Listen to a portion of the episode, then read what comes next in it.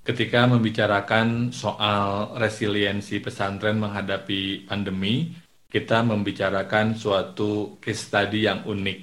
Kenapa unik? Pertama, karena pesantren dinilai oleh sebagian kalangan merupakan lembaga, merupakan institusi yang rentan menjadi epicenter penyebaran COVID-19. Terutama karena ciri khas pesantren yang mengisolasi santrinya dalam suatu wilayah tertentu dalam kurun waktu yang lama. Tetapi seiring berjalannya waktu, selama lebih kurang dua tahun kita bersama dengan pandemi COVID-19 ini, kita melihat bagaimana fleksibilitas pesantren dan kemampuan pesantren melakukan proses adaptasi sehingga apa yang tadinya dianggap sebagai kelemahan ternyata malah menjadi sebuah kekuatan. Dan ini adalah ceritanya.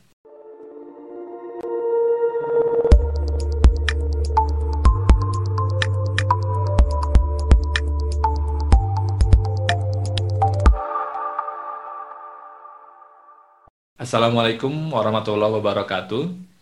Pesantren adalah lembaga pendidikan Islam yang dianggap paling tua di Indonesia. Secara umum hari ini ada yang coraknya tradisional, ada yang coraknya modern, ada yang terintegrasi dengan sekolah formal, ada yang tidak, ada yang memperlakukan sistem kelas dan diakhiri dengan katakanlah ijazah atau sertifikat, tapi ada juga yang tidak tetapi secara umum, pesantren memiliki karakter yang khas berupa uh, asrama, pengasramaan santri.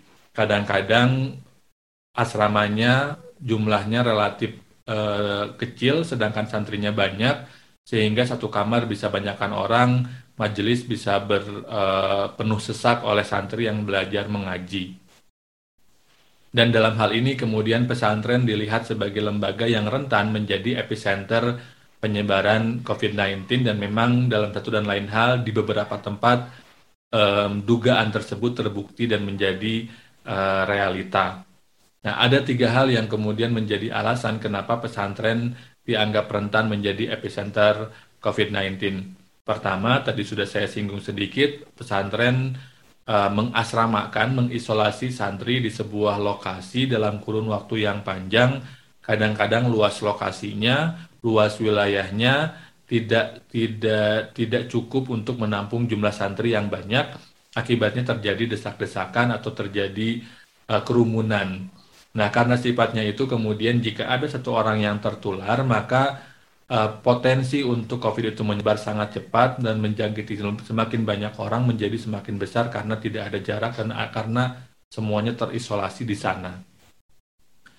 Kedua, kenapa kemudian pesantren dianggap rentan? Karena ada sebagian kalangan di beberapa pesantren yang kemudian dalam tanda kutip meremehkan COVID-19 dalam artian mereka tidak memandang perlunya untuk melakukan proteksi yang lebih ketat untuk melakukan menerapkan protokol kesehatan dan murni menyandarkan pada doa atau pada tawakal dengan penafsiran yang katakanlah um, tidak tawakal yang tidak diperkuat oleh ikhtiar pro, uh, preventif.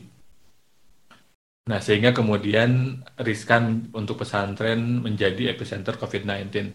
Yang ketiga, karena ada budaya sowan ke kiai. Yang sowan ke kiai tidak mesti di lingkungan sekitar, tapi bisa siapa pun orang asing yang datang, yang kita tidak tahu apakah orang tersebut uh, tidak terinfeksi ataukah terinfeksi, apakah dia memiliki gejala ataukah tidak bergejala, tapi sebetulnya adalah carrier bagi COVID-19. Dan kita juga melihat dalam kurun waktu 2020-2021 ada ratusan kiai ada ratusan ulama yang meninggal yang mengguncangkan kita semua karena uh, mautul alim mautul alam kematiannya ulama adalah pertanda kematian dalam beberapa aspek bagi kehidupan kita juga gitu. Nah, terlepas dari itu, um, pesantren kemudian memperlihatkan karakter fleksibilitasnya, karakter kemampuan resiliensinya untuk merespon perubahan yang datang. Dan dalam beberapa hal saya gembira terhadap respon positif tersebut Pertama, uh, munculnya gairah atau dorongan untuk melakukan digitalisasi proses pengajian di pesantren, sesuatu yang sebelumnya ditolak secara halus maupun tidak halus oleh sebagian kalangan pesantren karena dianggap uh, belum siap, karena merasa tidak pas untuk melakukan itu dan seterusnya. fakta bahwa santri harus dipulangkan pada suatu kurun waktu tertentu, kemudian uh, ke kerinduan santri di rumah untuk mendengarkan kiainya, ustadznya mengaji, mendorong pesantren untuk melakukan pengajian secara live, secara uh, ter terekam secara digital jejaknya baik via YouTube, Facebook, Instagram dan seterusnya. Dalam bahasa yang lain kita bisa melihat ada terjadi proses pesantrenisasi uh, digital, sesuatu yang dirindukan sejak lama, sesuatu yang kemudian menjadi kegelisahan banyak pihak karena merasa pesantren sebagai benteng moderasi beragama perlu juga untuk hadir di ranah di dunia uh, digital karena belakangan um, cara orang untuk menuntut ilmu agama tidak lagi setradisional dulu di mana mereka datang ke pesantren, datang ke masjid, datang ke majelis, tapi mereka lebih senang untuk mendengarkan di YouTube, di di podcast dan seterusnya. Itu yang pertama. Yang menarik yang kedua adalah bagaimana sifat karakter pesantren yang dia mengisolasi santri yang dulu dianggap sebagai kelemahan karena berpotensi untuk mempercepat terjadinya uh, epicenter ketika ada yang uh, positif ternyata menjadi sesuatu kekuatan tersendiri. Dalam hal ini misalkan pesantren kemudian memperlakukan santri yang akan pulang kembali ke pondok harus sudah di tes, di swab tes misalkan dan diterbukti negatif, kemudian mereka diisolasi secara lebih ketat, orang tua tidak boleh menengok, uh, kemudian uh, kalau bisa divaksin divaksin dulu dan seterusnya sehingga kemudian uh, dengan pengoptimalan proses isolasi ini pembelajaran tatap muka bisa dilaksanakan setelah memastikan bahwa para santri ini negatif hasil swab testnya. Dan proses masuknya juga kemudian dibikin bertahap agar tidak menimbulkan kerumunan terjadi di pesantren saat proses kedatangan santri.